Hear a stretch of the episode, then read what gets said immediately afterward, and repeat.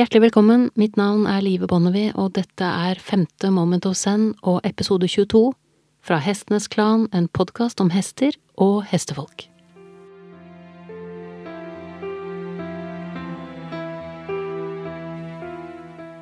Å tilbringe tid med hester handler for meg mer enn noe annet om å skrelle av alle lag og komme seg så nær sin egen kjerne som mulig. For bare når du er deg selv fullt ut, uten forestilling og tilgjorthet, så vil hesten din kunne se deg klart og møte deg på ordentlig. Det er sikkert min bakgrunn fra film som gjør at jeg har et sterkt forhold til ordet persona, som er utledet av et gresk ord, som betyr fjes eller maske. Og da snakker vi om den masken som vi ikler oss, for å skjule vår sårbarhet, for å plassere oss i sosiale sammenhenger, eller påvirke hvordan verden oppfatter oss. Jeg skal ikke underkjenne verdien av å ha en slik maske når vi ferdes ute blant folk og forsøker å holde orden på et tidvis svært komplisert sosialt liv, men det forekommer meg at vi er blitt stadig mindre flinke til å ta den av. Da jeg vokste opp, så var stallen et fristed, men den har i stadig større grad blitt en forlengelse av spillet om hvem vi vil vise verden at vi er. Det handler om mote, trender, image, utstyr, det tar bare mer og mer plass. Så når jeg ser det, så er det en av de store utfordringene i vår tid, at det ytre og det overfladiske har fått stadig nye og stadig større arenaer å spille på. Så der vi i gamle dager kunne legge alt dette bak oss når vi gikk gjennom stalldøren, og ikke var tilgjengelig på telefonen engang, så er det blitt nærmest utenkelig å gjøre det samme i dag. Selvsagt har vi jo fortsatt den fordelen og velsignelsen at hesten er blind for mye av dette fjaset, men det er ikke dermed sagt at det er ok å valse inn i hestens hverdag som en flittig liten bie uten kontakt med egen pust eller egen kropp, mens vi fokuserer mest på å rekke neste punkt på timeplanen og har tankene våre plassert et helt annet sted. Vi må erkjenne at denne flinkheten og travelheten skaper problemer, for selv om hesten møter oss et helt annet sted enn mange andre vi omgås, så har vi uten tvil gjort oppgaven mer krevende, og laget av støy mellom oss og hesten har blitt stadig tykkere. Vi ynder jo å tro at hesten ser gjennom alt dette, men det er noe grunnleggende uhøflig og litt selvsentrert over vår forventning om at hesten skal ta oss som vi er til enhver tid, særlig når vi ikke selv vet fullt ut hvem vi er. Jeg har vært på flere med Klaus Ferdinand Hempfling, og det er særlig én ting jeg har tatt med meg derfra. Viktigheten av å være autentisk, både i livet og i møte med hesten. Klaus pleide å si at dersom du ikke er autentisk, og er deg selv fullt ut, så vil hesten se deg som mer enn én person. Den vil se deg som flere ulike versjoner av deg selv som ligger oppå hverandre, så bildet av hvem vi er, forblir uklart. Jeg har pleid å tenke på det som et bilde som er tatt med feil lukkertid, der alt som er i bevegelse, mister sin form og flyter utover. Og jeg har en personlig erfaring med dette, som skriver seg tilbake til den gangen jeg var gravid for første gang. Jeg er jo fra naturens side ganske uredd med tanke på å stå for hvem jeg er og hva jeg mener. Det er ikke noe jeg har måttet slåss for i noen særlig grad, det er bare et medfødt karaktertrekk.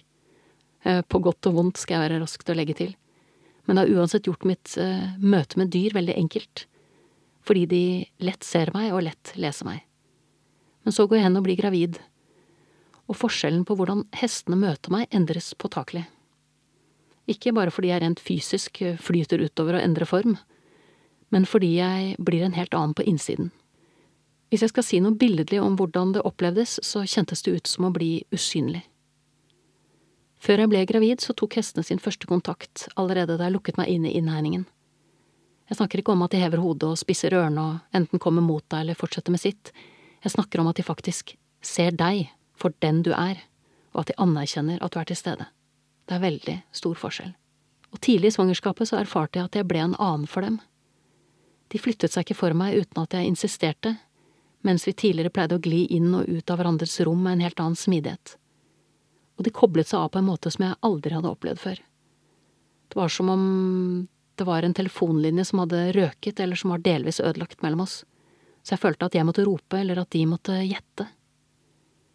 Det var først da jeg kom over i tredje trimester og graviditeten var blitt en så integrert del av min bevissthet, at jeg på mange måter hadde inntatt rollen som mor for mitt ufødte barn fullt ut, at språket jeg pleide å ha med hestene, kom tilbake.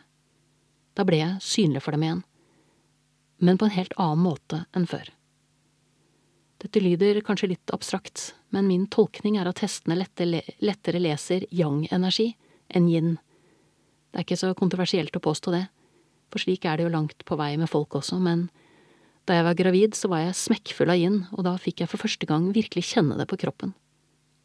Det ga meg et interessant perspektiv, på hvem jeg var, og hvem jeg ble. Klaus er av den oppfatning at kvinner hadde en bedre forutsetning enn menn for å kommunisere med hester. Han hadde sin forklaring på dette, som jeg ikke ønsker å gå nærmere inn på, men konklusjonen har jeg tatt med meg. For han mener at i motsetning til menn så er kvinner født med en evne til å møte hesten der den er, at vi er født med en evne som menn må bruke tid og krefter på å tilegne seg. Dette har en gjenklang hos meg, og jeg tenker gjerne tilbake på den dagen jeg besøkte en slektning av meg som hadde en stor gård, og jeg klarte å rote meg inn i en oppsamlingsbås med unge, uvørne okser. Jeg var fem år gammel, og det utløste stor panikk hos alle de voksne i nærheten, som fryktet for livet mitt, siden jeg befant meg på innsiden av et gjerde som var bygget ut av nødvendighet, for å beskytte folk. Men det viste seg at uroen var helt ubegrunnet. Jeg vandret urørt og uberørt mellom disse stutene, og uten samling for øvrig så finnes det en severdig søkbar dokumentar der ute som heter Tippi fra Afrika. Eller den engelske tittelen er The World According to Tippi der en liten jente på seks år omgås både byttedyr og rovdyr, med en uskyld, med en selvfølgelighet og en lekenhet som virkelig er egnet for ettertanke. I likhet med hesten så tenker jeg at kvinner i overført betydning også er et byttedyr, og at vi derfor kommer fra det samme stedet. Det er et sted som er preget av en bevissthet om at man er en del av noe større, et sted som er preget av samarbeid, raushet og tålmodighet og med dette utgangspunktet så forbauser det meg at vi i så stor grad lar oss overtale til å snakke et språk med hesten som ikke er vårt eget, at vi kanskje litt for ofte lar en fyr med elendig timing og en hang til å sette hardt mot hardt være den som skal fortelle oss hvordan vi skal ri og håndtere vår egen hest. Vi er blitt så travle og effektive og flinke at vi er i ferd med å glemme hvor vi kommer fra, og hvem som er verdt å lytte til. Vi har latt oss forlede til å tro at treneren som i fullt alvor i 2020 fortsatt snakker om respekt, dominans og underkastelse er verdt å lytte til? Ærlig talt, vi vet bedre. Kvinner er kvinner verst, heter det, og det kinesiske tegnet for krig er to kvinner under samme tak. Men jeg synes det er på høy tid at vi ser på rammene som gjaldt da disse munnhellene oppsto og disse tegnene ble skrevet for første gang. I vår del av verden var likestillingen knapt påtenkt, og for en kvinne var rommet for å uttrykke seg sterkt begrenset på alle fronter. Det var forbudt for jenter å spille fotball.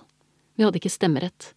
Høyere utdannelse var ikke et tema, og kunstnerisk utfoldelse, det var en uoppnåelig drøm. Det samme var ridning med ett bein på hver side av hesten, for å nevne noe. I Kina var det flerkoneri som gjaldt, og mannen hadde all makt. Det sier seg selv at mennesker som er ufri, og brenner inne med et stort og uforløst potensial, blir destruktive. Vi har et annet munnhell for det. Når krybben er tom, så bites hestene. I dag ser virkeligheten i Skandinavia helt annerledes ut. Vi eier våre egne liv, holder våre egne hester, og selv om vi fortsatt sliter, av en eller annen merkelig grunn, med å få lik lønn for likt arbeid, så er vi ovenpå. Og er det noen som har kunnet guide meg, med klokskap, råde meg når jeg sto fast, eller heie meg frem når jeg trengte det, så er det nettopp kvinnen jeg har møtt på min vei. Og jeg har for lenge siden mistet tall på alle de gangene vi har sett lyset etter en klinikk, nettopp fordi vi har kunnet dekonstruere og analysere det vi har sett i fellesskap, og sette det sammen til noe større. Innerst inne så vet du at din livstråd er tett sammenvevd med hestens, og at dere har et felles språk som har en helt annen valør enn det kvikke, effektive, småvoldelige og halvmilitante språket som mange trenere fortsatt tilbyr i dag. Det er på høy tid at du tar det språket tilbake. Du har nettopp hørt episode 22 av Hestenes Klan, en podkast om hester og hestefolk. Takk til min faste komponist Fredrik Blom, og sist, men ikke minst, takk til deg, kjære lytter, for tålmodigheten.